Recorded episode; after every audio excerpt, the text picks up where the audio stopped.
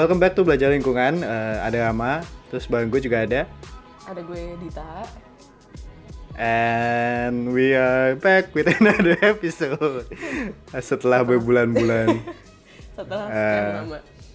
Apologies buat uh, kalian yang sudah menunggu lama. Apparently ada yang nungguin by the way. Thank you for the, the ones who are nungguin konten kita. We're very encouraged by that. So yeah, um, I think we should just go straight ahead uh, dengan bahasan kita di episode ini, which is tentang dampak uh, dari climate change, terutama mungkin ke lingkungan dan kesehatan juga. Kemarin di episode 2 kita udah sempat bahas peran manusia dalam perubahan iklim kan dan seberapa besar kontribusi kita terhadap peningkatan eh, apa gas rumah kaca di atmosfer gitu yang ujung-ujungnya berkontribusi terhadap perubahan iklim. Nah, sekarang pertanyaannya, kenapa sih kita harus peduli sama perubahan iklim gitu? Kemarin kan kita udah bahas perubahan iklim itu apa, terus kontribusi manusia terhadap perubahan iklim itu apa, terus kenapa sih kita masih peduli sebenarnya? Nah, di sini kita akan membahas kenapa. Karena tindakan-tindakan dan kegiatan-kegiatan manusia yang menghasilkan emisi itu sebenarnya dampaknya akan kembali lagi ke kita gitu loh. Nah, perubahan iklim itu juga akan memberikan dampak-dampak terhadap lingkungan, lalu juga eh, akan memberikan dampak terhadap sosial, ekonomi, dan kehidupan manusia. Jadi eh, perubahan iklim itu juga akan memberikan dampak terhadap eh, tumbuh-tumbuhan, terhadap eh, eh, binatang dan ekosistem eh, bumi secara general. Nah di episode ini kita akan coba bahas beberapa dampak dari perubahan iklim itu, terutama dari sisi manusia. Dan lingkungan lah. Tapi kalau buat hewan dan tumbuhan mungkin kita bakal bikin episode sendiri karena bakal panjang buat ngomonginnya kalau itu juga. Dan agak complicated. Anyway, eh, pertama kita mungkin akan ngomongin yang bukan simple sih, yang lebih general dulu, I guess. Eh, iklim sama siklus air. Apa sih eh, dampak dari climate change, I guess? Apa gas rumah kaca atau eh, hal-hal seperti polusi, polusi termasuk gas rumah kaca sih. Ya, it- ap- apalah apa efek dari semua hal itu terhadap iklim dan siklus air. Siklus air apaan sih? Jadi siklus air, eh, pergerakan air misalnya dari air yang ada di bumi, di permukaan bumi, gitu ya, seperti yang ada di laut, yang ada di danau, yang ada di em, sungai, lalu yang ada di dalam daratan juga ya, misalnya yang di dalam tanah itu kan sebenarnya tanah juga ada eh, kelembabannya. Nah itu bagaimana mereka punya siklus naik lagi ke atmosfer dan akan turun lagi. Itu namanya siklus Oke. hidrologi atau yang Itu- gampangnya disebut dengan siklus air. Itu gue agak jam degan dikit ya. Sebenarnya itu poinnya di poin C teman-teman. Tapi lama udah bentar tanyakan pertanyaan gitu tapi ya gue jadi ya karena kalau mungkin kalau teman-teman nonton eh nonton nonton IPA dulu pernah belajar IPA kan ada tuh diagramnya ada gambar gunung terus ada gambar awan ada gambar laut. Itu kayak gue inget banget sih di buku IPA-nya siapa itu? Eh, Martin Kangenan zaman SMP itu pasti apa namanya ada ada siklus itu. Jadi ya? Jadi ya, uh, not sponsored by Erlangga, cuman ya dari dari penerbit Erlangga. Oke, uh, kalau dari iklim maksudnya gimana, Dit? Jadi gini, Perubahan iklim. Um, first and foremost sebenarnya kenapa kita ngomongin iklim dan siklus air itu karena ini uh, penyebabnya itu dalam uh, dalam bersifat global gitu ya. Jadi bagaimana perubahan iklim itu bisa mempengaruhi siklus air secara global.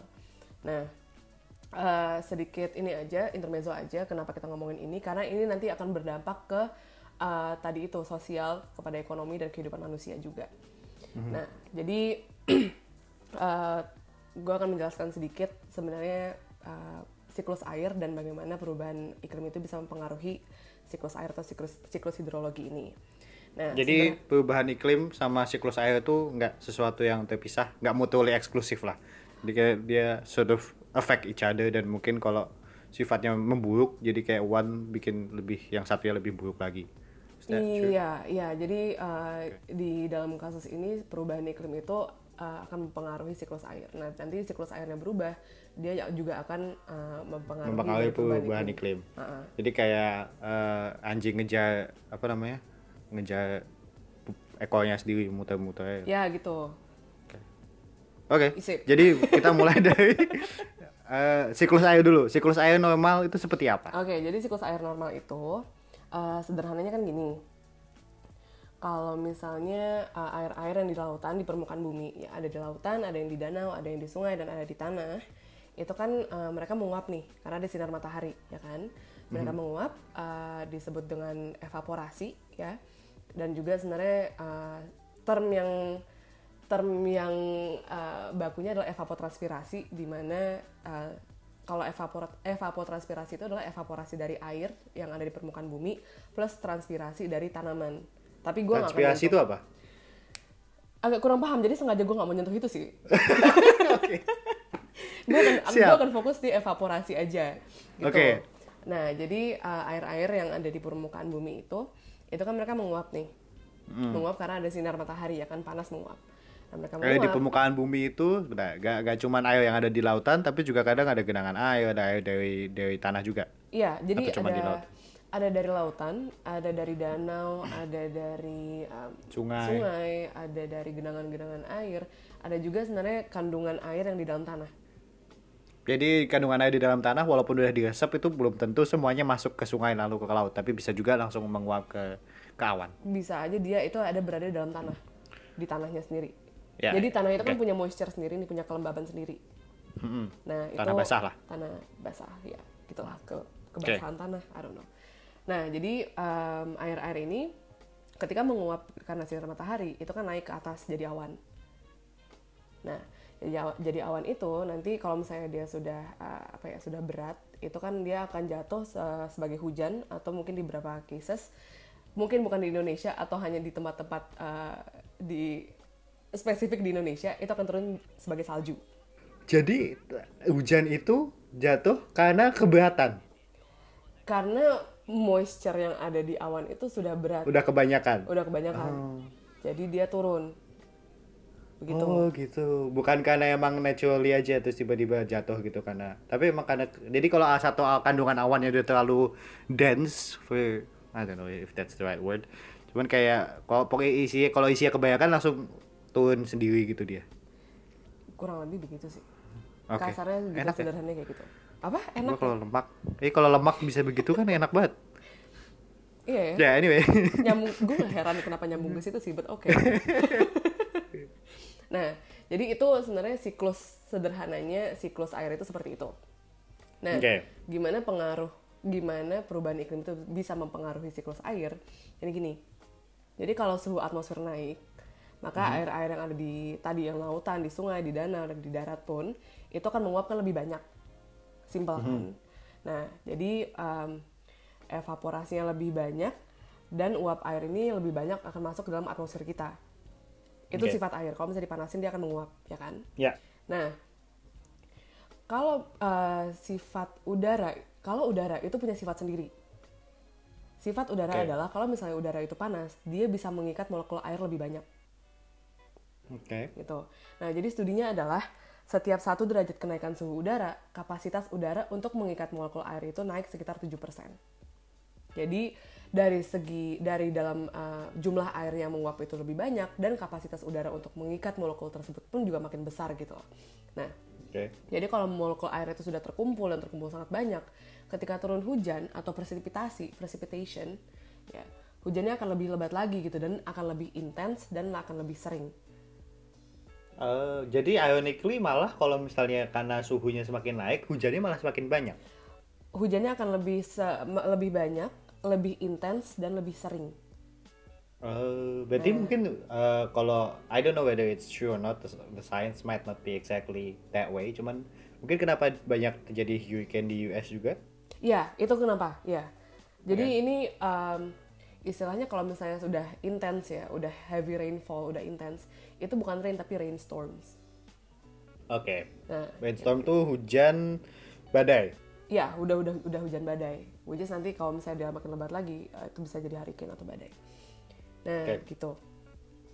Jadi uh, itulah uh, pengaruh dari perubahan iklim terhadap siklus uh, siklus air yang ada di uh, bumi gitu.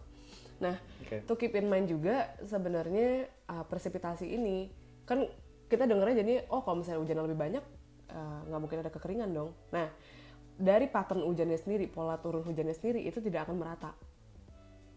Gitu. Oke. Jadi ada perubahan dalam uh, bagaimana dan di mana hujan itu akan turun. Eh, jadi yang biasanya hujan di Jakarta terus atau di Bogor bisa aja jadi tiba-tiba geser ke tempat lain. Sampai. Hmm, nanti mungkin akan gue jelasin dengan contoh Oh siap, sih. siap. Karena gue nggak tahu tuh jawabannya itu. Oh siap. Karena gua Habis ini kita break kita cari dulu jawabannya. Oke. Oke. Eh, Nah. kita ke dampak berarti. Karena kan kita udah tahu nih gimana eh, apa sih itu apa FA, eh, siklus air itu seperti apa. Itu dampak dari evaporasi sama ev- evapotranspirasi. Terus eh, kalau ada perubahan iklim, suhu naik, efeknya ada perubahan dari siklus air ini sendiri kemudian menyebabkan hujan yang mungkin eh, eh, apa sih ritme bukan ritme ya apa intensitasnya lebih besar kejadian ter- terjadinya lebih sering juga itu misalnya mungkin. Sama terjadi lebih banyak kasus-kasus seperti hurricane dan eh, apa tadi rainstorm itu misalnya. Jadi secara nggak langsung berarti dampak pertama yang paling obvious adalah apa? Jadi kita bahas dampak pertama adalah banjir. Kalau kita ngomongin hujan, heavy rainfall itu banjir. Nah, jadi sebenarnya kita mulai dulu dari kenaikan suhu permukaan bumi dulu nih. Jadi suhu permukaan bumi dan dampaknya terhadap uh, kenaikan apa namanya kenaikan permukaan air laut. oke Nah, kita mungkin kayak kemarin udah sempat nyentuh juga sih di episode episode, episode sebelumnya bahwa uh, kenaikan suhu permukaan bumi itu dapat menyebabkan mencairnya lapisan-lapisan es yang ada di permukaan bumi, ya kan? Nah, es ini ada yang di Arktik, ada yang di Antartika, ada yang lapisan es yang merupakan glasier, es-es yang di pegunungan gitu kan. Nah, ketika suhu permukaan bumi naik, es-es ini akan mencair dan berubah menjadi air.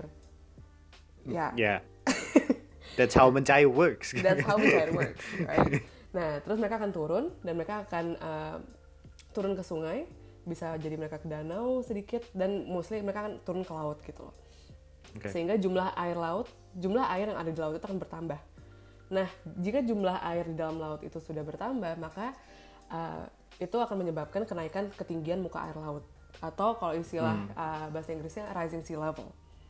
oke Jadi itu uh, ngebayang, kita bayangin aja orang-orang yang tinggal di kawasan-kawasan pesisir yang di pinggir pantai gitu kan, which is banyak banget populasi manusia yang tinggalnya di uh, pinggir pantai. Itu kalau misalnya mereka mengalami ada rising sea level, itu dampak ke kehidupan mereka itu akan sangat banyak gitu. loh. Ya kayak kalau misalnya contoh konkretnya ada di Jakarta Utara lah yang paling gampang dilihat. Kita bisa bisa lihat beberapa rumah tuh udah mulai kerendam dan I think mereka udah nggak bisa tinggal di sana lah ya. Karena air laut juga berarti as berarti bergaram kan. Berarti itu kan nggak bagus buat bangunan juga sebenarnya. Iya. ya itu Dan salah satu contoh pun juga konkret. sebenarnya kalau lu banjir air tawar kayaknya lu butuh relokasi sih.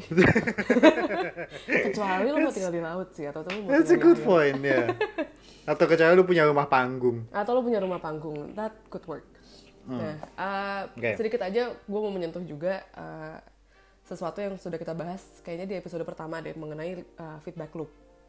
Ya. Jadi kalau misalnya buat kalian-kalian yang udah pernah dengerin episode kita yang pertama kita pernah jelasin yang namanya feedback loop. Nah jadi feedback loop uh, di sini kita bayangin misalnya lapisan-lapisan es. Lapisan es kan biasanya uh, warnanya putih nih. Ya. Nah kalau misalnya putih itu memantulkan cahaya matahari, ya kan pelajaran IPA zaman dulu. Ya Nah kalau misalnya uh, es-es ini mencair, maka lapisan yang di bawah es tersebut, misalnya ada tanah atau bebatuan, itu akan terekspos gitu kan, akan keluar. Nah tanah dan, bebat- dan bebatuan itu, itu kan warnanya kan lebih gelap dari putih, ya kan? ya Nah. menyerap panas Nah, akan menyerap panas lebih banyak. Kalau panas yang diserap lebih banyak, maka lebih banyak lagi lapisan es yang akan mencair. Dan makin banyak lagi lapisan-lapisan di bawah es, tanah dan batu-batuan tersebut yang akan terekspos. Jadi makin banyak lagi uh, cahaya matahari yang akan diserap. Jadi itu akan menjadi sebuah feedback loop. jadi semakin semakin eh, tipis lapisan esnya semakin eh, cepat juga eh, rate di mana mereka akan mencair In- Kurang lebih kayak begitu. Ya. Oke, jadi ada lingkaran setannya ada banyak nih, ada feedback loop di di Antartika sama di Arktik buat apa? eh, apa apa tadi namanya? Bongkahan es itu. Ada juga feedback loop di mana apa namanya? Sea level kita naik, rising sea level, jumlah airnya lebih banyak, terus makin banyak yang menguap, jadi apa bikin suhu di udah juga makin naik, jadi feedback loopnya ada bermacam-macam ya. Iya. Itu uh, interaksi antara kenaikan dari suhu uh, udara dan bagaimana itu bisa uh, apa namanya uh, berpengaruh terhadap suhu air tersebut. Karena Oke. sifat air sendiri, kalau kita tadi ngomongin sifat uh, sifat udara, sifat air sendiri pun air pun memiliki sifat tersendiri gitu. Jadi Iya. kalau air, kalau suhunya naik, itu akan mengembang. Itu gue waktu baca gue bingung sih, maksudnya mengembang jadi volumenya bertambah enggak kan? Jadi molekulnya itu akan terpisah lebih lebih luas lagi gitu loh. Gimana sih Jadi kalau ngebayangin neutron sama apa protonnya gitu makin lebar gitu kan kan apa gapnya semakin besar. Tapi Gapnya kan akan volumenya tetap sama. Kayaknya volumenya akan mengembang sih. Kalau sepengertian gue dan gue rasa ini harus di-cut karena gue nggak paham nih Gak apa-apa. It shows that we don't we're not really know we don't really know much. We just do our research, right? So if you our our listeners know the answers to this, please do enlighten us. And please realize that we're not exactly an expert in this matter. We just want to learn together with you. terus orang kayak yeah, ngapain gue dengerin podcast ini Nggak, Ujung-ujungnya gue kita sendiri kita kita berpikir bersama guys di sini. Kita bukan kita bukan guru lah istilahnya. Ya anyway. Tapi itu anyways. menarik sih sebenarnya konsep air mengembang itu kayak gue kayak what? Iya, jadi kalau misalnya kita berpikir uh, stick dengan teori itu ya, kalau misalnya sifat air itu memang berkembang, dia akan mengembang kalau misalnya ada uh, kenaikan suhu dari air itu sendiri, berarti kan uh, itu akan berkontribusi terhadap kenaikan air tinggi air laut itu sendiri, gitu loh. Jadi jadi ke- kenaikan tinggi air laut itu bisa dari suhu airnya itu yang naik karena molek uh, dia akan mengembang, bisa jadi uh, Volumenya suhu- bertambah. volume bertambah bisa jadi volumenya bertambah gara-gara adanya uh, pencairan dari SS dan lapisan-lapisan es lainnya. Nah, karena kenaikan suhu udara di permukaan bumi. Damn. Berarti sebenarnya faktornya banyak banget dan Faktornya banyak banget. kalau ini yang kita sebut cuma tiga nih yang gue yakin ada beberapa faktor-faktor lain yang juga akan ngefek juga.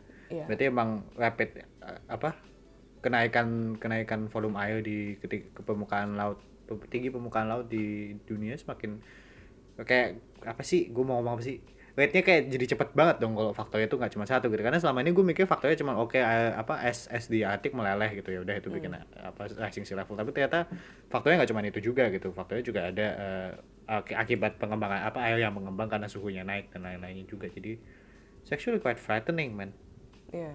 Tapi mungkin mereka berkontribusi terhadap keting- kenaikan tinggi air laut itu dengan skala yang berbeda sih.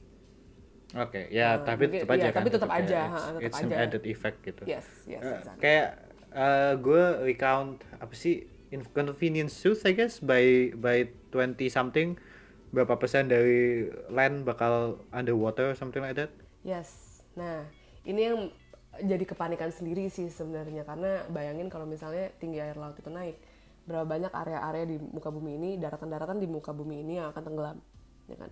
Tadi kita udah singgung nih, misalnya uh, wilayah-wilayah dekat pantai, kayak di Jakarta Utara gitu kan.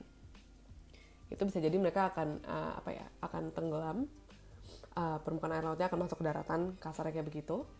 Makanya kita kan di Jakarta juga sempat heboh kan ada seawall kemarin. Apa sih namanya Yeah. bahasa Indonesia-nya? Tanggul air bukan tanggul. Gi- giant sea wall tuh gue Giant lupa. Sea reklamasi. Orang orang taunya reklamasi. Walaupun sebenarnya beda ya.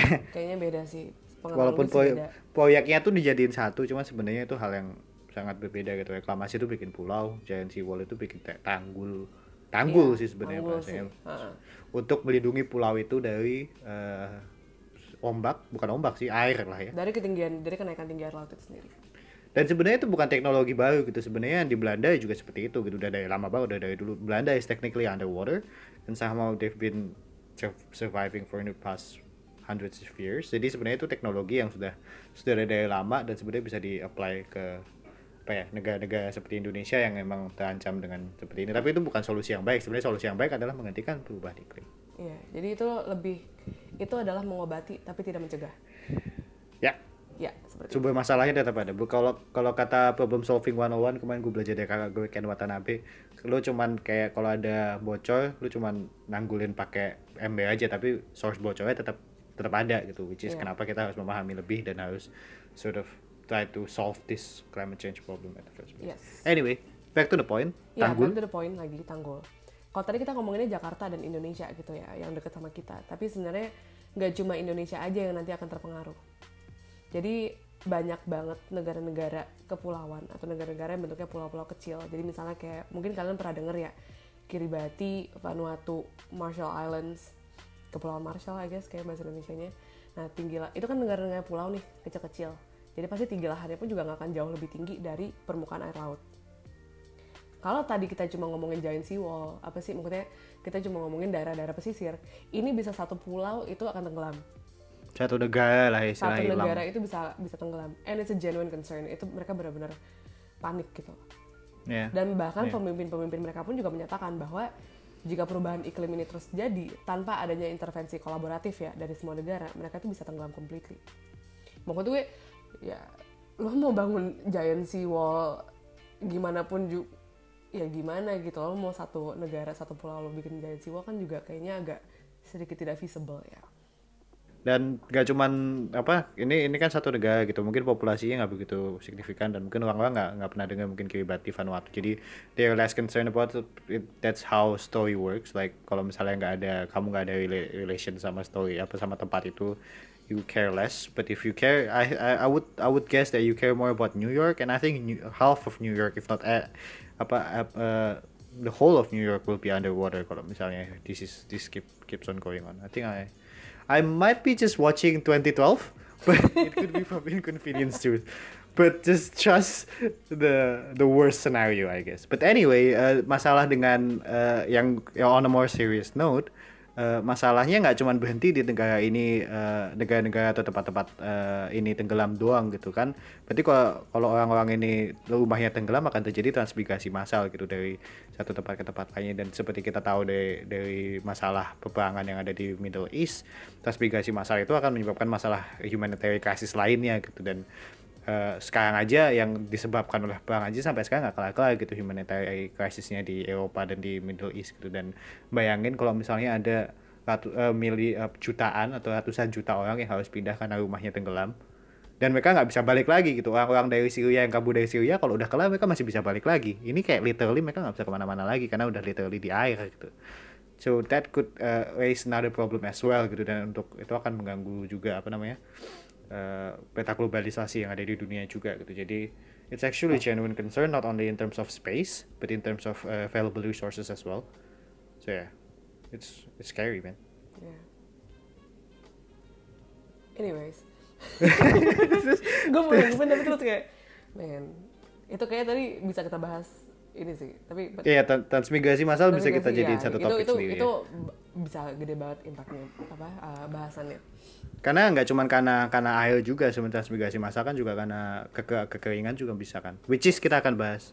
Kita akan bahas uh, di segmen tiga, eh dua. I guess. Oke, balik lagi ke banjir. gue mau nambahin sedikit. Kalau tadi kan kita ngomonginnya banjir uh, kenaikan apa sih namanya uh, tinggi muka air laut. Jadi uh, kita balik lagi tadi dengan cerita mengenai siklus hidrologi atau siklus air yang tadi di awal sudah kita bicarain ya. Nah, jadi kan tadi kan kita udah bahas kenaikan suhu permukaan bumi itu bisa meningkatkan evaporasi dan presipitasi, ya penguapan air dan turunnya air dalam bentuk salju dan hujan, ya kan. Nah, dengan banyaknya air yang menguap dan air yang turun, berarti uh, logically speaking, chance untuk banjir jadi makin tinggi dong. Ya. Nah, tadi balik lagi ke poin gue, eh, gue sempat mention juga bahwa selain adanya peningkatan presipitasi, peningkatan hujan, ternyata ada juga perpindahan lokasi dan bagaimana presipitasi ini akan terjadi gitu. Jadi ada satu model proyeksi, ada satu studi yang sudah uh, menyatakan bahwa uh, perubahan iklim ini akan berpengaruh terhadap presipitasi dan presipita- presipitasi ini akan meningkat dan turun di wilayah-wilayah yang notabene itu udah basah Oke. gitu misalnya daerah-daerah pesisir jadi wilayah-wilayah pesisir ini udahlah basah mereka ada apa sih uh, rentan terhadap Tambahin kenaikan- banyak air lagi. tambahin banyak air lagi dan tambahin dengan uh, kenaikan tinggi muka air laut jadi chance untuk banjirnya jadi makin gede Damn. scary Terus sedih. Iya. Terus sedih. Yeah, I mean, yeah. Anyway, that's that's how scary it can be kalau misalnya this keep on going on. And uh, we don't wanna give like a grim notes or or anything, but it just it's sort of like selama ini kan kita cuma taunya oh hujannya jadi sering atau oh jadi banjir, cuman kayak sebenarnya efeknya tuh semakin lama semakin memburuk gitu. Kayak ini ini nggak cuman nggak cuman vicious cycle yang gitu-gitu doang tapi vicious cycle ini kayak snowball juga ya makin membesar makin membesar makin besar dan semakin kalau semakin di ignore masalahnya akan semakin banyak intensitasnya akan semakin tinggi. Kayak di US sekarang practically almost every quarter ada ada hurricane sekarang which is freaking scary man. And it's not safe. At the very least. Jadi yeah I think uh, at least we should be aware aware about that and we should sort of start at least thinking about it especially as a young generation yang mungkin akan make decisions in the next 5 10 years in a position where you can make decisions. I think it's important for us to understand that I guess that's why we, we make the podcast at first place anyway, uh, itu segmen satu kita udah ngomongin tentang siklus air sama tentang banjir. Habis ini kita mau ngomongin apa di segmen dua? di segmen 2 kita akan ngomongin tentang kekeringan. Jadi kalau tadi Kekeringan. kebanyakan air, sekarang kita akan ngomongin tentang kekurangan air. Ya, masalah kan? Udah apa perubahan iklim bikin airnya kebanyakan. Eh ada juga yang kekurangan air. Gimana coba ceritanya? But anyways, Sekali. we'll catch you after the break.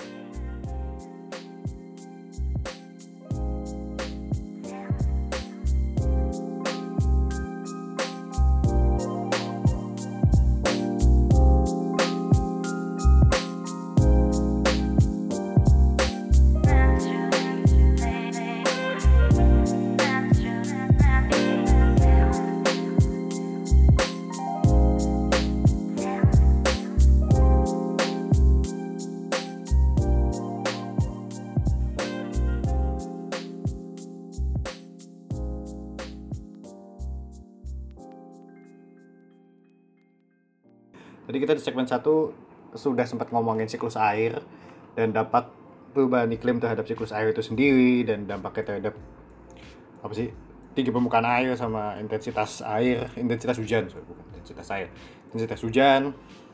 Sama juga eh, dampak nggak dampak langsungnya adalah banjir gitu misalnya. Nah tadi kan masalahnya adalah kebanyakan air. Ternyata perubahan iklim itu juga menyebabkan eh, dampak kedua yaitu kekurangan air ironisnya nah itu seperti apa kenapa bisa terjadi kekurangan air ini Nah, tadi kan di akhir segmen pertama kan kita udah nyentuh sedikit bahwa ada sebuah studi yang memproyeksikan bahwa uh, dengan adanya perubahan iklim ini, turunnya hujan atau presipitasi itu akan lebih terfokus ke wilayah-wilayah yang cenderung udah basah. Bukan daerah-daerah pesisir. Nah, bagaimana dengan daerah-daerah yang di mainland, yang di tengah-tengah pulau, yang uh, tengah-tengah pulau yang besar. Pokoknya yang kayak di gurun lah gitu kan, tengah-tengah tengah-tengah benua lah tengah-tengah benua lah gitu kan. Nah, misalnya kayak di Afrika atau di Timur Tengah gitu kan, emang cenderung sebenarnya uh, banyak area areanya lebih besar untuk area yang kering itu lebih besar. Nah, berdasarkan proyeksi model tersebut di wilayah-wilayah situ itu presipitasinya malah akan berkurang. Gitu. Jadi yang tadinya wilayah-wilayah yang udah basah itu malah makin basah, wilayah-wilayah yang udah kering itu bisa jadi lebih kering lagi karena hujannya nggak akan turun di situ. Bukan nggak akan, tapi akan lebih sedikit tur hujan yang akan turun di situ. oke Nah, itu tadi kalau misalnya kita balik ke siklus hidrologi ya. Nah, bagaimana kalau misalnya relationship antara uh, panas uh, kenaikan suhu permukaan bumi dengan kekeringan. Tadi kan kenaikan suhu permukaan bumi terhadap siklus hidrologi lalu kekeringan. Nah, ini ada lagi nih uh, relationship langsung antara kenaikan suhu permukaan bumi dengan uh, kekeringan. Nah, jadi kan kalau misalnya suhu permukaan bumi ini naik, itu kan makan uh, akan lebih panas ya. Nah, sederhana banget sih sebenarnya konsepnya. Dengan naiknya suhu permukaan bumi di darat, itu uh, daratan apa uh, tanah-tanah yang tadinya ada kelembaban itu air apa sih uh, kandungan air di dalam tanah itu akan menguap yang menyebabkan tanah-tanah itu menjadi kering gitu. Oh, tadi karena yang lu bilang itu itu ya apa? Transpirasi eh transpirasi bukan sih? Pe- transpirasi- Presipitasi. Presipita- kalau transpirasi itu kan tanaman nih yang sengaja emang kita nggak sentuh di sini. Cuma evaporasi itu tadi kan kita ngomonginnya lebih banyak evaporasi di laut, uh, di uh, sungai dan ada di danau. Emang air gitu lah yang menguap. Jelas-jelas itu water bodies gitu kan. Nah sebenarnya juga ada penguapan di tanah itu sendiri karena tanah itu punya kelembaban, punya kandungan air. Hmm, hmm. Nah. Dan karena dia ada presipitasi tadi, eh, mungkin jadi jadi di tempat yang tadi ada tanah itu karena memang dasarnya kering, jadi hujannya jadi malah geser ke tempat yang udah basah anyway. dari proyeksi model uh, yang sudah dilakukan, studi itu menyatakan bahwa uh, turunnya hujan, lokasi di mana hujan itu akan turun akan shift, akan berubah. Dia akan cenderung turun di wilayah-wilayah yang memang udah basah, daerah-daerah pesisir, subtropis. Dan cenderung untuk tidak turun di wilayah-wilayah yang memang sudah kering. Jadi ada ketimpangan nih.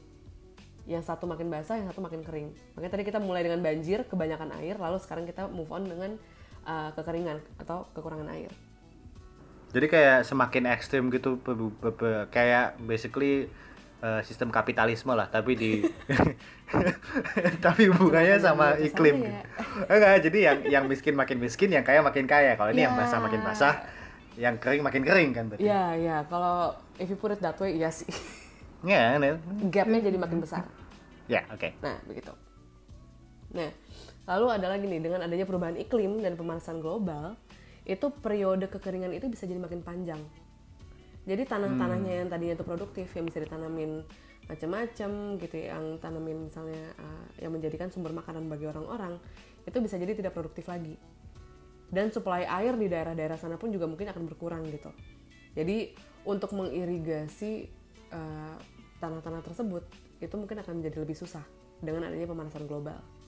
Hmm, I see, oke. Tuh. Dan juga nanti udara yang panas itu bisa menyebabkan heat wave yang berkepanjangan, Ya. yang bisa menciptakan situasi lahan yang kering yang bisa menyebabkan uh, lahan-lahan tersebut rentan terhadap kebakaran. Hmm, kayak di Australia.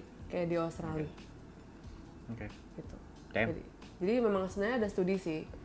Uh, studinya itu menyatakan bahwa sebenarnya hutan-hutan yang masih primer, yang masih baru, ba- bukan masih baru, yang masih intact forest, itu sebenarnya itu nggak itu susah dibakar loh, karena lembab.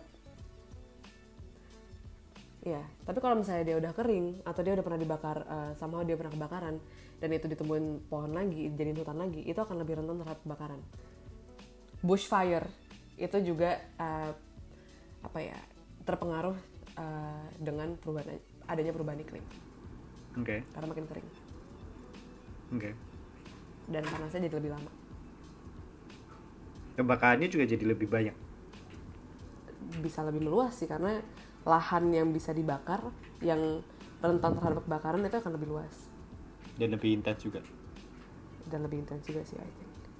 Oke, jadi kalau di daerah basah yang apa hujannya semakin intens, di daerah kering kebakarannya makin intens juga. Iya. Jadi dampak-dampak sebenarnya dampak-dampak perubahan iklim ini juga nggak merata gitu, loh, nggak sama, nggak semua wilayah akan merasakan dampak yang sama. Gitu. Nah, jadi uh, itu dari jenis dampaknya sendiri bisa berbeda-beda. Ada lagi skala dari dampak yang akan dirasakan. Itu dari masing-masing negara aja sih negara itu bisa berbeda. Kayak tadi misalnya kita ngomongin negara-negara yang uh, bentuknya pulau ya, pulau-pulau kecil, Kiribati, Vanuatu, Marshall Islands. Itu mereka kalau misalnya ada kenaikan tinggi air laut, itu mereka bisa tenggelam completely. At the same time mungkin sebenarnya Amerika atau Indonesia mungkin nggak akan tenggelam completely gitu. Jadi sebenarnya dampak yang dirasakan itu bisa berbeda-beda juga. Tergantung luas sama posisi geografisnya juga sih. Iya. Oke, tadi kan kita ngomongin uh, dampak perubahan iklim terhadap yang pertama siklus hidrologi dan bagaimana uh, siklus hidrologi itu bisa menjadikan kebanjiran dan bisa menyebabkan ke- kekeringan. Dan bagaimana juga sebenarnya dari kenaikan suhu permukaan bumi itu juga langsung berdampak terhadap banjir dan uh, kekeringan. Jadi ada yang langsung dan ada yang lewat siklus hidrologi dulu baru ke uh, banjir dan kekeringan. Nah, kita udah bayangin nih. Jadi ada uh, wilayah-wilayah yang terkena banjir dan wilayah-wilayah yang akan mengalami kekeringan. Bisa bayangin dong gitu, kerugian dari segi sosial ekonomi itu seperti apa? Manusia itu akan rugi sebanyak apa gitu kan. Misalnya banjir nih, kita mulai dari banjir. Tadi mungkin uh, Rama udah mention sedikit ya, banjir itu bisa menyebabkan adanya korban jiwa lah atau relokasi buat orang-orang yang tinggal di kawasan yang rawan banjir seperti di kawasan pesisir. Nah, itu bisa dibayangin pertama uh, berapa banyak manusia yang akan direlokasi, berapa banyak uh, bangunan-bangunan yang akan hancur dan tidak bisa ditempati lagi, yang tidak bisa dipakai lagi karena banjir, Ya. ya kan? Nah itu. Dan mungkin ada juga uh, dibutuhkan dana ya, ada ada dari sisi ekonominya untuk pembangunan misalnya giant seawall. Itu juga kan butuh butuh dana ya Ya. sebagai tindakan adaptasi terhadap kenaikan permukaan air laut.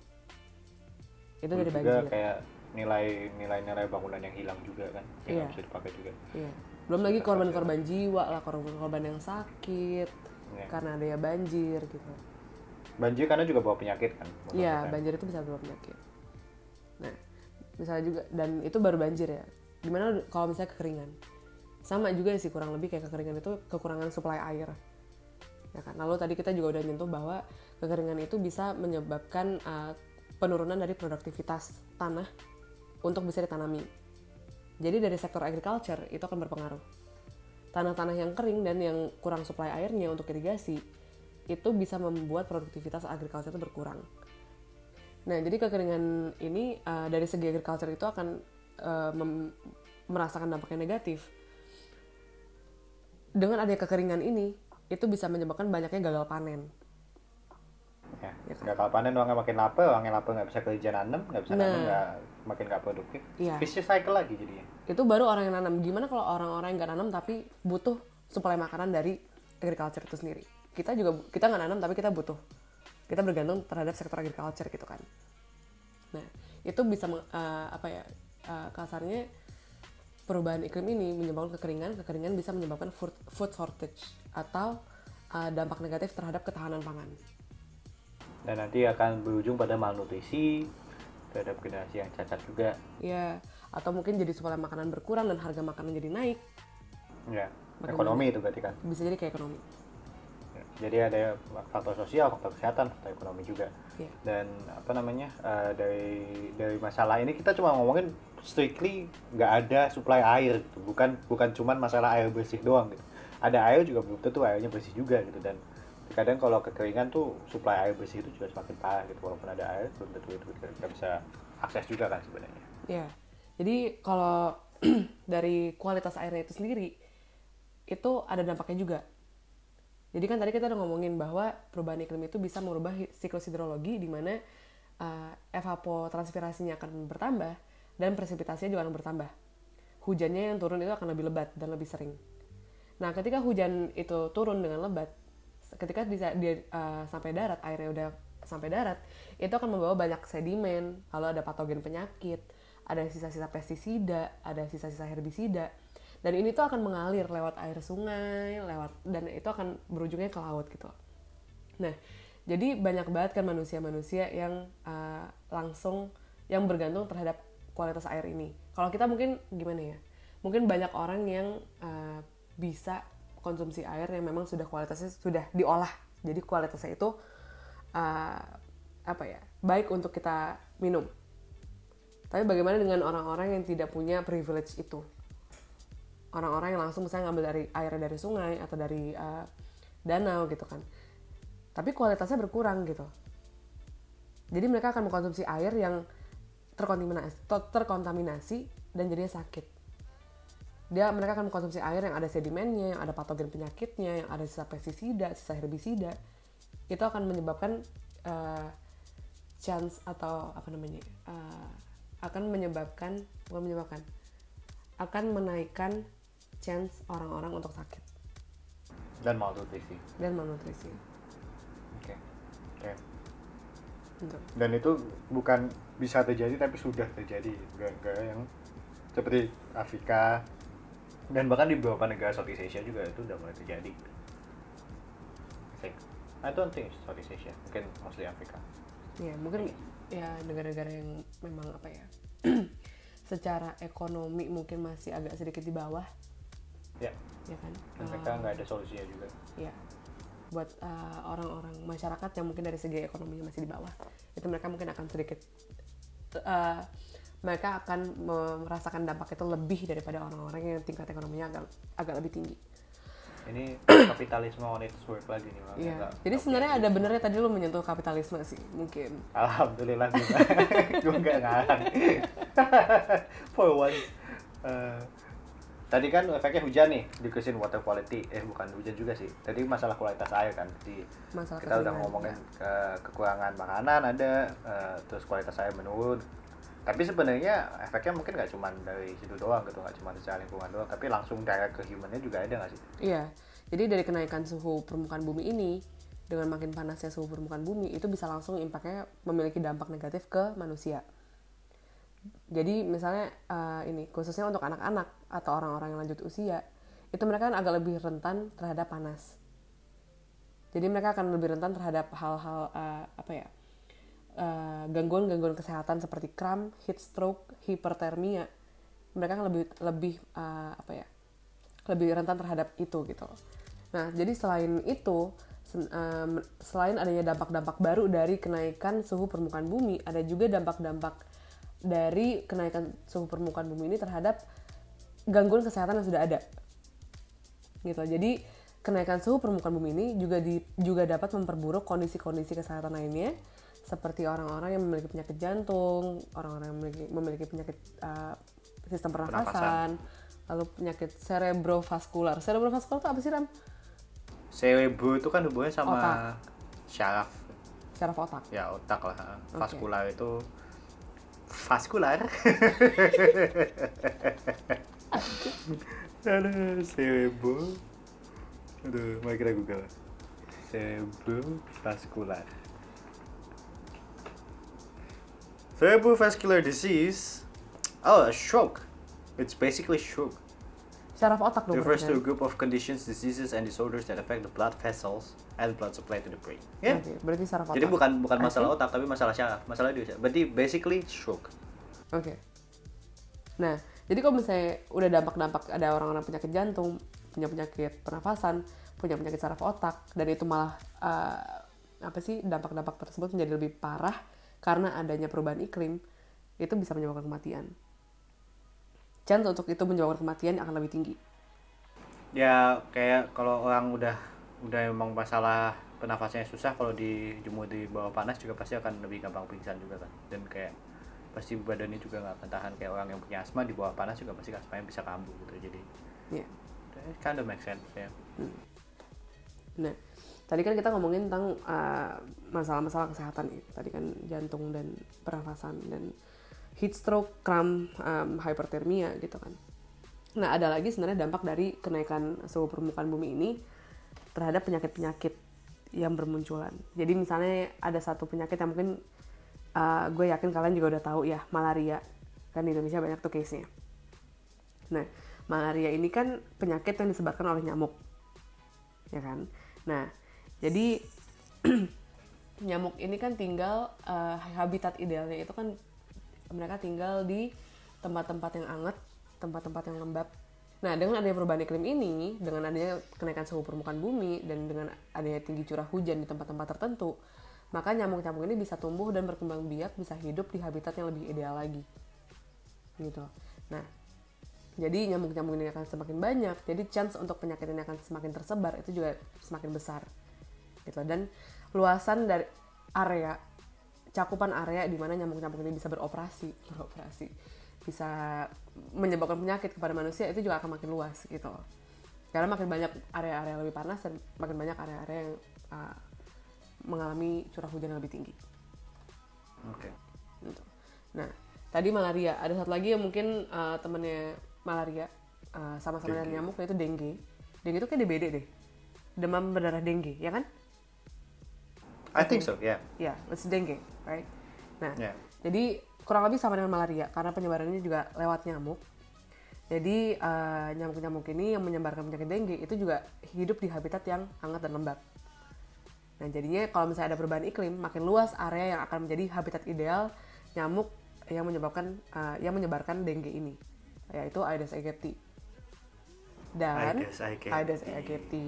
Nah, agak sedikit counterintuitif sih sebenarnya. Ada lagi uh, argumennya. Selain dengue ini akan tu akan tumbuh lagi, misalkan dengue ini akan tersebar di wilayah-wilayah yang lebih lembab.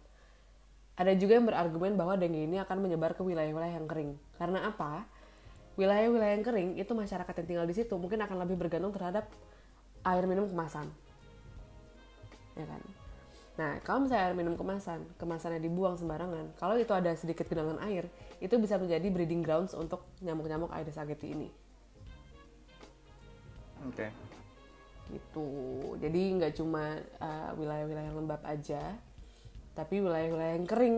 Tapi bergantung terhadap uh, apa ya terhadap kemas air minum kemasan. Ada kemasannya di situ dan menyebabkan genangan air. Ada kelembaban di dalam genangan air tersebut. Itu bisa menjadi habitat ideal untuk nyamuk Aedes aegypti Oh, damn. Jadi at least ada satu hal yang adil lah ya di antara eh, tempat yang basah sama tempat yang kering Ada adalah sama-sama kena nyamuk. Iya kena. ada sama-sama kena nyamuk. Ada yang adil tapi not not necessarily hal yang positif. Not necessarily a good thing, yeah. exactly. Oke. Jadi ya gitu deh. I guess, I guess itu tema dari podcast ini sih. Uh, everything is not necessarily a good thing that we talk about. anyway. Ya, selain selain tadi ada malaria, ada dengue, eh, apa lagi nih? Nah, ini ada satu sebenarnya menurut gue sangat-sangat menarik. Bisa jadi ini sebenarnya poin yang paling menarik dalam episode ini. Mantap. Atau mungkin Oke. enggak. I don't know.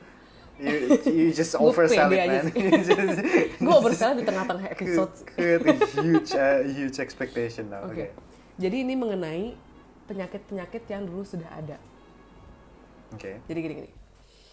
Nah, eh, di dalam di dalam bumi, di permukaan bumi ini ada lapisan-lapisan tanah atau lapisan-lapisan batuan yang dingin, yang suhunya itu di bawah 0 derajat selama 2 tahun. Itu disebut dengan permafrost. Jadi permafrost ini sebenarnya bisa dibilang adalah freezer tempat yang ideal untuk meng-freeze, membekukan bakteri-bakteri dan virus dan patogen lainnya. Jadi mereka itu akan diam di dalam di dalam permafrost itu. Nah, kalau misalnya ada peningkatan suhu permukaan bumi, bakteri-bakteri dan virus-virus dan patogen-patogen itu bisa terekspos. Jadi ada satu case nih. Jadi di tahun 2016 ada 72 penyakit, 72 kasus penyakit antraks. Antraks itu kalau nggak salah bahasa Indonesia-nya penyakit sapi gila deh, kalau gue nggak salah ya. Dan itu sampai menyebabkan ka- satu kasus kematian terhadap satu anak umur 12 tahun karena adanya antraks. Jadi dulu teorinya antraks itu diseba- disebarkan oleh reindeer atau rusa. Rusa ya reindeer ya? Mhm. Ya kan? Um, I don't, ya. Oke. Kayaknya mungkin beda sih. Kayaknya reindeer itu di luar negeri, kalau rusa dalam negeri. I don't know. Rusa tuh deer. Deer, Deer that's tuh the yang thing. ada Ya, kayak reindeer itu di Indonesia nggak ada. I don't know. Nah, jadi reindeer ini, reindeer ini akan dia mati dan uh, jasadnya, jasad mayatnya itu tertimbun di bawah permafrost ini. Jadi uh, bakteri yang menyebabkan antraks ini itu di dalam jasadnya dia dan jasadnya itu ada dalam permafrost. Nah, karena permafrostnya itu memanas, bakteri antraks ini pun keluar. Keluar dari freezernya tadi itu. Dan Karena sebenarnya dia nggak mati, cuman dia karena beku aja. Iya, dia Sementara. apa yang namanya idle. Oke. Dia masih hidup tapi dia nggak ke mana-mana. Mhm. Nah, dengan adanya uh, pemanasan global, permafrost ini pun juga memanas, suhunya naik, bakteri antraks ini pun keluar dari freezernya itu tadi dan terbawa oleh air dan tanah di sekitarnya. Jadi itu menginfeksi uh, reindeer-reindeer yang lain dan eventually juga dia bisa meng- menginfeksi manusia. Oke, jadi gara-gara satu reindeer mati terus tiba-tiba masuk ke reindeer yang masih hidup dan sebenarnya penyakit ini nggak ngefek ke hewan tapi karena ketika kalau keinfeksi ke manusia jadi uh, deadly. Kayaknya penyakit ini menginfeksi hewan sih. Hewan ada juga, ke hewan bikin sih. Kalau juga. misalnya dia disebut sapi gila, gue rasa ada alasan tertentu kenapa disebut sapi gila sih. Ya, that's Ya. true ya. Heeh. Ya kayak ayam gila. Kok ayam gila sih? Flu ayam. Eh, flu burung. flu Nah, burung, flu burung. Avian influenza. Ya, gitu. Ya, influenza. Ya, that's true. Nah, itu baru satu kasus aja. Jadi itu satu kasus uh, penyakit antraks atau sapi gila. Bayangin misalnya kasus-kasus penyakit-penyakit yang uh, bisa dibilang udah nggak ada lagi, udah totally eradicated. Kayak misalnya smallpox atau cacar. Itu kan kalau nggak salah tahun 1979 itu udah dideklarasikan, udah diumumkan bahwa smallpox itu sudah tidak ada gitu. Tapi kalau misalnya bakteri atau virus, gue nggak tahu yang menyebarkan uh, smallpox itu apa ya bentukannya, apakah bakteri atau virus atau patogen lainnya, itu misalnya ada di dalam permafrost, lalu permafrost ini memanas, lalu uh, carrier dari uh, smallpox ini keluar, bisa jadi penyakit ini akan ada lagi. Ya, memunculkan penyakit lama yang nggak yang sebenarnya sudah di diberantas lah. Iya, sudah diberantas, diberantas, bu, ya eradicated diberantas. Gitu. Jadi agak serem aja sih kalau gue pikir-pikir, maksudnya penyakit-penyakit yang dulunya udah nggak ada dan kita udah survive, kita udah selamat dari itu, tapi tiba-tiba dengan adanya pemanasan global, dengan adanya perubahan iklim, itu mereka bisa ada lagi dan berapa banyak nanti korban uh, jiwa yang bisa disebabkan oleh uh, penyakit-penyakit yang timbul karena perubahan iklim ini. Tapi kayaknya penyakit lama muncul kembali itu jadi tren kayak kalau kita ngikutin measles juga tiba-tiba muncul lagi gitu kan. Walaupun itu sebenarnya karena eh, ulah manusia ya kalau measles kan karena nggak mau Ya. divaksin. Terlepas dari percaya vaksin apa enggak itu terserah kalian. Cuman ya it- that's the fact that uh, measles are back now. Jadi Iya. ya anyway. Jadi sebenarnya kalau kita ngomongin dampak kesehatan nih dari eh, dari perubahan iklim gitu sebenarnya ada banyak banget dan mungkin sebenarnya kita bisa ngomongin 10 episode nggak selesai nih kalau ngomongin tentang kesehatan. Uh, ada yang direct effect kayak tadi misalnya uh, direct effect apa sih? Eh, yang yang menyebabkan heat stroke gitu misalnya menyebabkan orang langsung uh, mungkin jantungnya jadi bermasalah atau asmanya jadi kambuh dan lain-lain. Tapi ada juga yang indirect nih kayak misalnya malaria yang oleh banjir ada West Nile virus ada anthrax tadi atau belum lagi semakin berkembangnya flash eating bakteria gitu karena karena ada masalah uh, climate change ini gitu yang menyebabkan kualitas tanah lah atau kualitas air lah atau kualitas uh, apalah itu yang yang yang ada di lingkungan kita gitu. Tapi uh, salah satu efek gak langsung yang sebenarnya saat ini kita sedang banyak omongin dan lagi akhir-akhir ini ramai kan sebenarnya uh, kualitas udara nih kualitas udara di atmosfer gitu. Sebenarnya itu ini gak strictly speaking about apa namanya uh, climate change gitu. Karena perubahan kualitas udara ini kan sebenarnya lebih ke arah polusi kan. Which is polusi itu nggak ya, sebenarnya uh, tidak disebabkan oleh climate change. Cuman sebenarnya penyebab dari climate change itu sendiri gitu. Dan nggak nggak directly berhubungan tapi tetap ada hubungannya in a way. Dan tetap kita perlu tahu juga uh, mungkin gue nggak akan ngomong panjang-panjang tentang ini. Uh, tapi misalnya kalau kalau kita tadi ngomongin Jakarta gitu, of course itu relatable karena kemarin sempat berapa sih kita sempat dibilang lebih jelek daripada Beijing kualitas kita udaranya. kayaknya sempat paling jelek Which di is- dunia sih? Paling jelek sedunia which is it's puzzling. We don't even have uh, apa uh, pabrik di Jakarta Dwi. Kita punya pabrik gede-gedean aja di Jakarta? Kayak lu bayangin Beijing gitu kayak tiap 5 meter kayak ada pabrik gitu dan ada ada ada itulah Hmm. cubung asap be- dengan berjuta-juta ton uh, polusi gitu. Tapi di Jakarta literally berarti cuma dari kualitas apa dari kendaraan Kayaknya lebih bermotor lebih doang cenderung dari kenda- kendaraan Mungkin. bermotor sih penggunaan fossil fuels.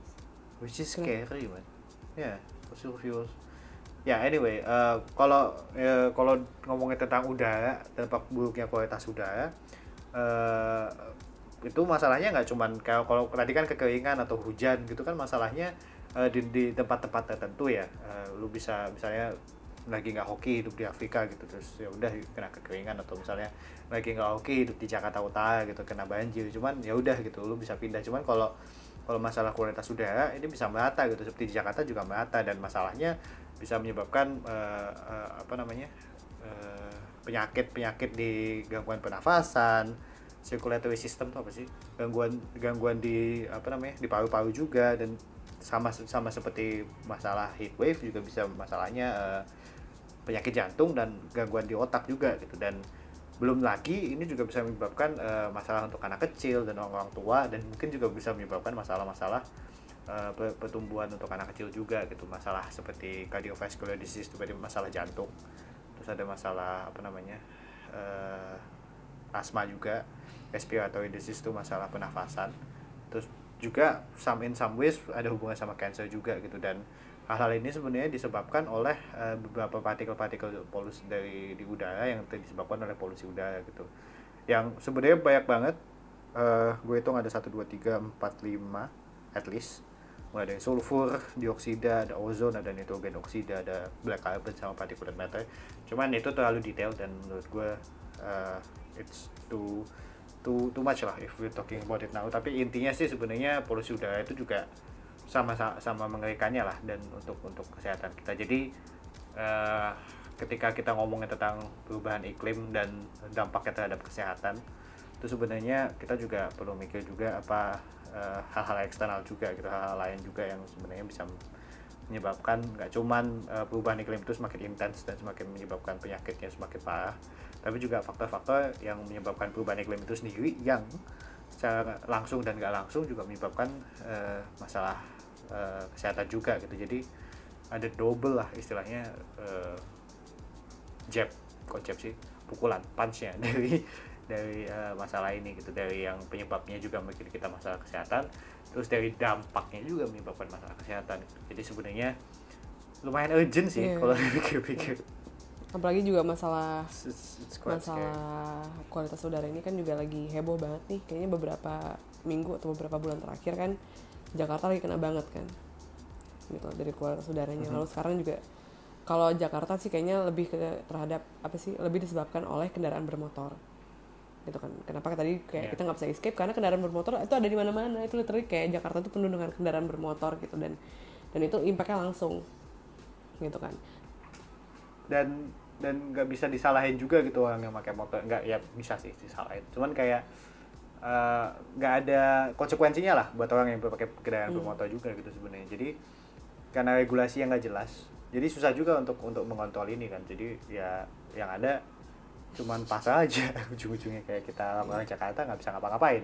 Selain kita kayak komplain wah anjir ini kok anjir? Ya nggak apa-apa lah. Eh, wah gimana nih? Kayak eh, kualitas udaranya jelek banget. Kayak kita nggak bisa nanggung literally harus ke mana-mana pakai masker gitu kan.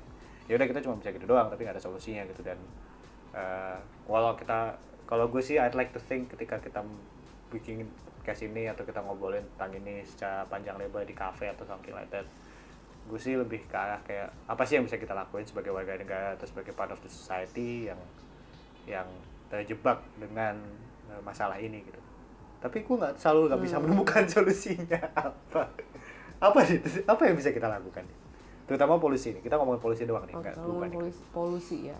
Eh, kalau misalnya terutama kalau untuk case Jakarta kan polusinya polusi kendaraan bermotor nih. Sebenarnya eh, kita kan butuh mobi- mobilisasi. Nggak mungkin kita cuma diam di rumah doang dong. Maksudnya Ya, itu itu itu bisa inevitable. dibilang inevitable. Ya. Nah, solusinya mungkin dengan penggunaan public transport, transportasi publik yang lebih banyak. Mhm.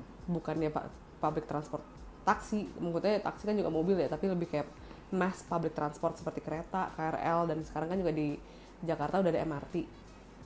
Kalau bisa itu dipergunakan sebaik-baiknya, mungkin itu akan mengurangi jumlah eh, jumlah dari kendaraan bermotor yang ada di Jakarta, gitu.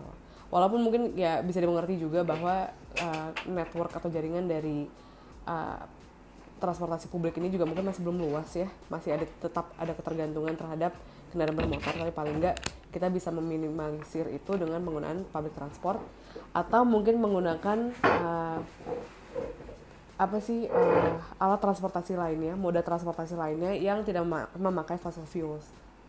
Seperti mungkin sepeda atau jalan kaki. Ya, tapi susah juga sih karena kita ke mana-mana sekarang beli makanan aja pakai Grab, naik motor. Walaupun kitanya nggak nggak keluar buat beli makan, tapi kita juga bikin abang Grab bukan sponsor by the way. Halo Grab atau Gojek Atau Gojek. atau Uber yang udah nggak ada. Eh, innalillahi. Eh, apa? Kayak kita tetap ma- ma- meng bukan meng-encourage sih bahasanya, tapi juga tetap sort of bikin cuma ngegeser aja penggunaan bensinnya tetap ada gitu. Hmm, tapi kalau bisa diminimalisir akan lebih baik lagi terhadap uh, polusi dan juga perubahan iklim. Balik lagi ke perubahan iklim. Ya. Gitu.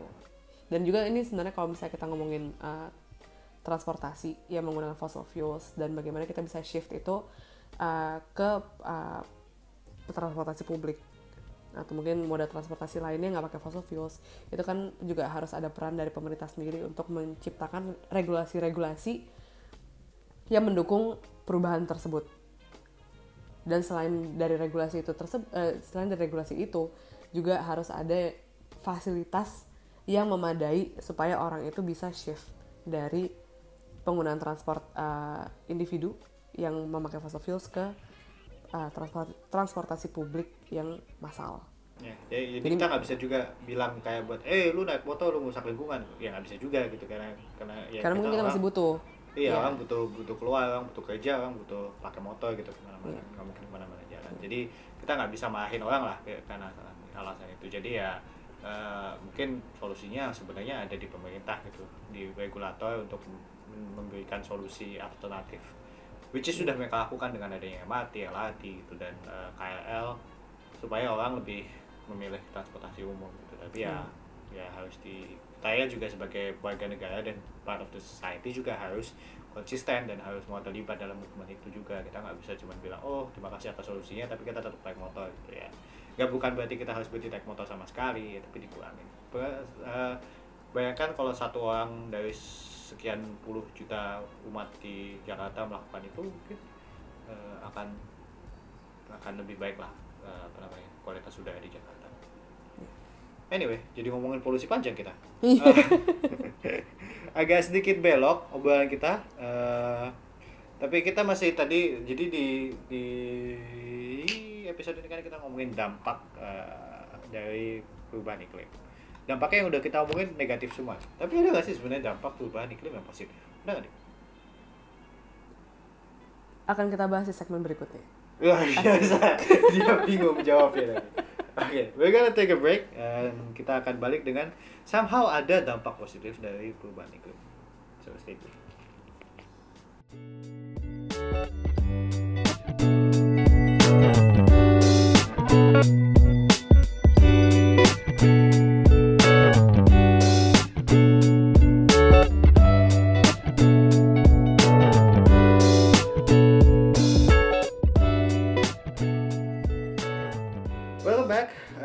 3 kita nggak panjang-panjang segmen 3 Kita masih somehow setelah episode ketiga. Kita udah 6, hampir 4 bulan ngerjain ini podcast. Iya sih. Tapi baru 3 episode.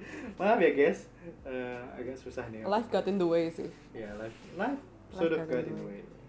Tapi ya eh, Tadi udah Alasan udah udah udah ngomongin dampak-dampak negatif nih tentang eh, perubahan iklim. Sekarang ternyata ada juga ternyata dampak positif dampak dampak positif dari perubahan iklim. Gue sih nggak percaya waktu gue baca skripnya hari ini. Tapi mendingan Hmm. kita dengarkan bersama dari ini tahap sehari seperti apa nih? Ya jadi kan tadi kita udah ngomongin tuh banjir, kekeringan, penyakit-penyakit kayak malaria, dengue, sapi gila, lah ada antraks gitu kan. Tapi sebenarnya kalau dipikir-pikir lagi, sebenarnya perubahan iklim itu juga ada dampak positifnya. Misalnya gini, kalau misalnya suhu permukaan ini naik, eh suhu permukaan bumi ini naik, berarti kan cuaca-cuaca yang dingin itu kan akan jadi lebih hangat nih, ya kan? Di negara-negara yang empat musim, apalagi yang negara-negara yang musim dingin itu dingin banget, misalnya kayak di nggak tahu Kanada kayak di Iceland gitu kan, yang tempera- temperatur itu bisa sampai minus. Itu kalau misalnya ada kenaikan suhu permukaan bumi, jadi kan nggak begitu dingin lagi nih. Jadi penyakit-penyakit yang diasosiasikan dengan uh, udara yang dingin, ya uh, apa sih dampak-dampak kesehatan yang diasosiasikan karena adanya udara yang dingin seperti hipotermia atau mungkin yang simpel kayak flu kayak apa gitu. Nah itu mungkin akan lebih berkurang gitu. ya. Nah jadi uh, uh, apa namanya itu ada dampak positifnya. Penyakit-penyakit kayak gitu mungkin akan lebih berkurang. Nah ada lagi misalnya uh, orang-orang tua yang lebih rentan terhadap udara yang dingin dengan adanya kenaikan suhu permukaan bumi ini, suhu di tempat dia tinggal itu mungkin kayak oh ya udah lebih hangat.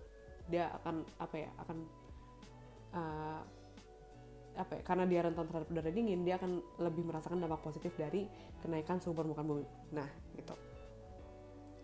Nah, ada juga misalnya negara-negara yang dingin tadi ya. Mereka itu kan uh, bergantung terhadap misalnya pemanas listrik nih Oh iya. di rumahnya. Nah, kalau misalnya uh, pemanas listrik, kalau misalnya suhu permukaan bumi ini lebih anget, suhu di mana mereka tinggal itu lebih anget, jadi kan ketergantung- ketergantungan terhadap pemanas listrik ini akan lebih berkurang. Gitu. loh. Mungkin dia pakainya dulu uh, full blast anget, mungkin sekarang mereka nggak full blast, full blast, full blast banget karena udara di sekitar udah anget gitu kasarnya. Nah jadi ada dampak positifnya juga. Jadi mereka itu nggak ngeluarin biaya untuk bayar listrik atau nggak bukan bukan yang nggak ngeluarin biaya tapi biayanya akan berkurang. Gitu.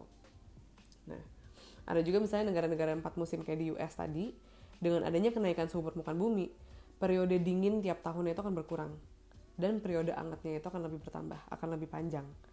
Nah jadi di periode-periode yang dingin ini mereka nggak bisa nanam uh, tumbuh-tumbuhan nih sektor agriculture-nya bisa dibilang agak sedikit mandek karena lebih banyak tanaman-tanaman yang tumbuh di uh, uh, di udara yang lebih hangat. Hangat ya.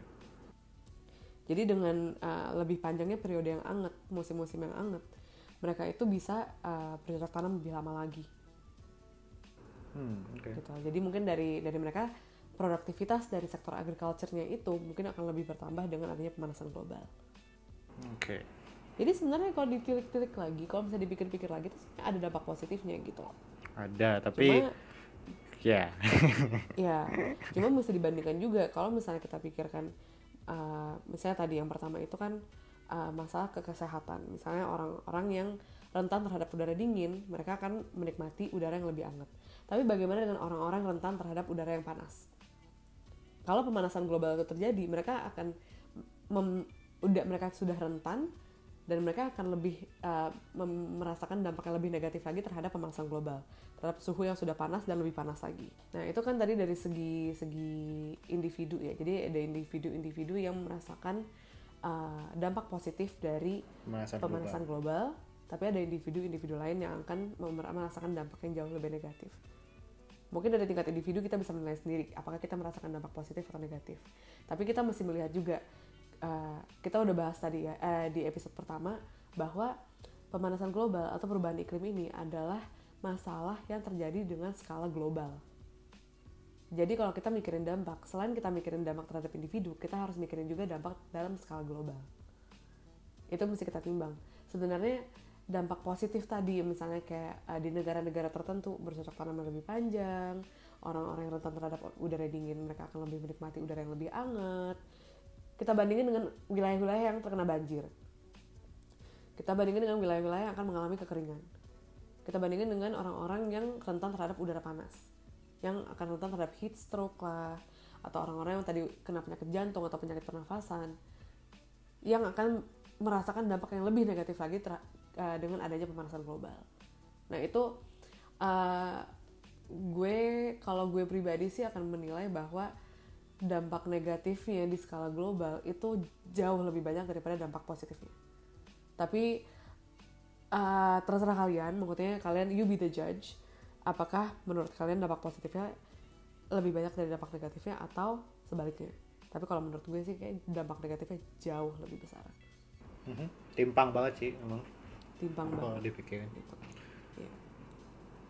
tapi ya selalu ada positif selalu ada negatifnya terkadang negatifnya jauh lebih banyak Iya.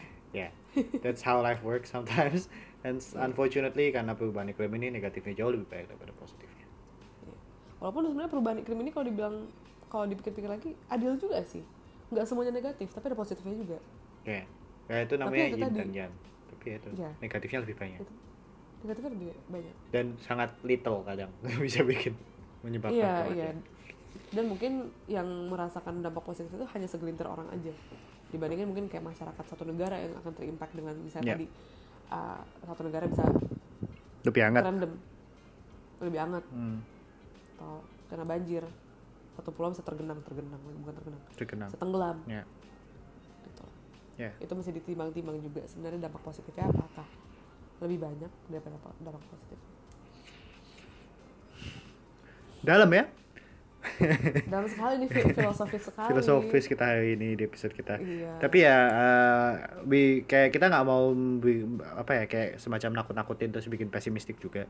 Uh, sebenarnya emang sih dampak negatifnya banyak banget dan dampak kesehatannya banyak banget dan memang agak kalau kita dengerin sedih dan kayak rasanya pasrah nggak bisa ngapa-ngapain. Cuman uh, motivasi kita bikin podcast ini adalah supaya kalian lebih aware dan kalian lebih encourage untuk berpikir bahwa oke ada masalah di, di depan mata kita gimana? Apa yang harus kita lakukan? Eh, atau at least mulai berpikir untuk cari solusi untuk masalah itu gitu. Karena kebanyakan dari kita cuma tahu cuma pernah dengar tapi udah kayak mengignore itu aja terus pasrah terhadap orang yang berwenang untuk melakukan untuk bertanggung jawab terhadap eh, masalah ini gitu. Padahal sebenarnya itu tanggung jawab kita bersama sebagai society gitu. Masalah ini berdampak kepada kita ya memang semua kita harus eh, ikut terlibat dalam cari solusinya juga dan eh, tiap orang solusinya beda-beda. Ada yang bisa bikin pergerakan eh, untuk anti pla apa nggak pakai plastik atau pergerakan nggak pakai motor gitu. Which is good cuman kayak di level pribadi least kita bisa melakukan hal yang bisa kita lakukan sendiri gitu ya. Misalnya mengurangi konsumsi eh, fossil fuel mengurangi apa eh, konsumsi air biar hujannya nggak banyak as if that's gonna itu kayaknya enggak sih. Itu kayaknya asosiasi dokter akan akan datang dan marahin lo sih. Iya. ya ada lu mati kan bukan karena perubahan iklim, tapi mati karena apa mencoba me- me- apa, me- menghentikan perubahan iklim. But ya, tapi jadi itu itu ya Ya. it's a good point sih. Jadi kita juga bikin podcast ini supaya uh, kan banyak ya campaign campaign kampanye kampanye ya ayo uh, uh, bertindak sekarang. Ayo uh, apa sih namanya, act now act now gitu kan. Tapi kita juga harus paham kenapa sih kita harus act now gitu. Ya. Mhm. makanya kita juga dari awal kan uh, jelasin sebenarnya perubahan iklim itu apa? Ya.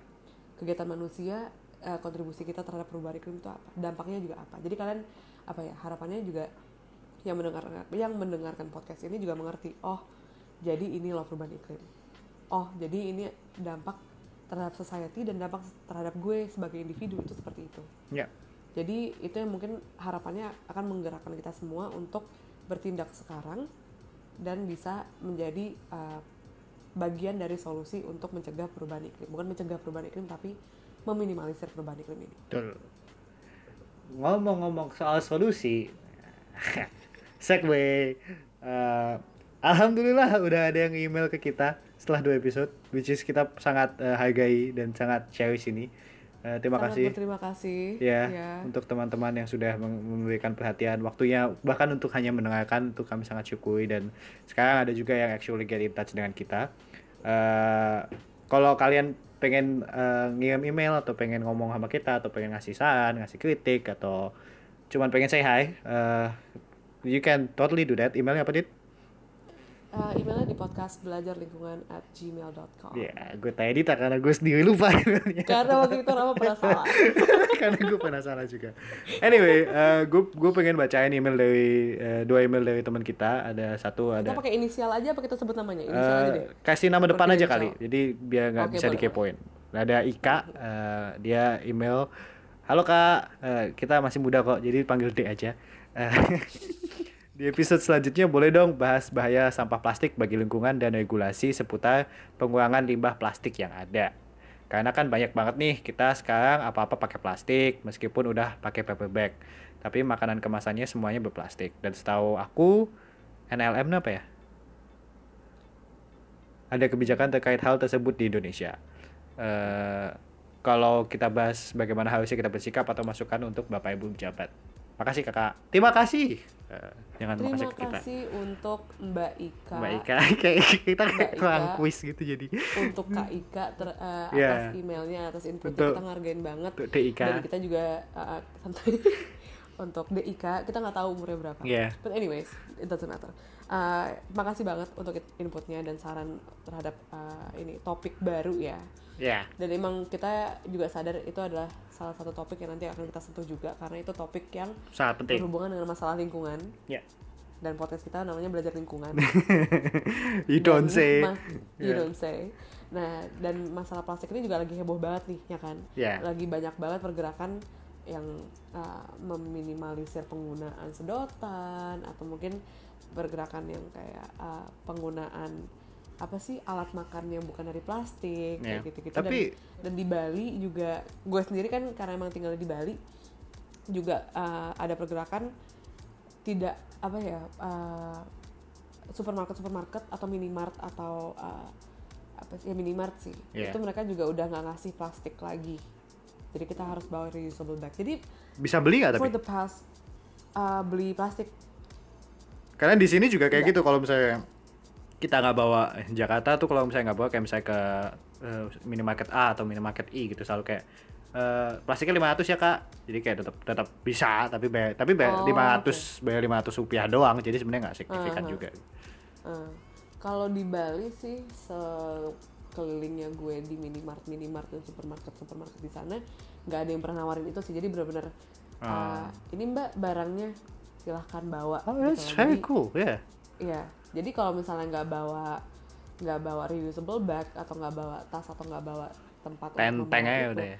tenteng aja semua. Dan Ah, itu cool. malah jadi memaksakan kita untuk bawa bawa, tas mau nggak mau ya oh that's Mau cool oke Ya, dan itu udah di mana-mana banget di Bali. dan eh, kalau di Jakarta dan apa franchise franchise laba laba makanan cepat saji di Jakarta juga udah mulai nggak ngasih sedotan plastik which is very good Eh, Iya. dan itu itu ini kita ngomongin dari sisi positifnya sisi negatifnya banyak banget tapi mungkin kita ngomongin nanti di episode di actual episodenya karena ya pasti kita akan bikin episode khusus buat eh, sampah plastik karena sebenarnya banyak nih potensi-potensi buat teman-teman yang bisa berinovasi untuk mengubah plastik ini menjadi limbah yang eh, apa sih didaur ulang karena masalah te- masalah paling terkenal dari plastik kan dia membutuhkan berapa berapa ratus tahun Dit, untuk didaur ulang eh di untuk Rat- dilebur.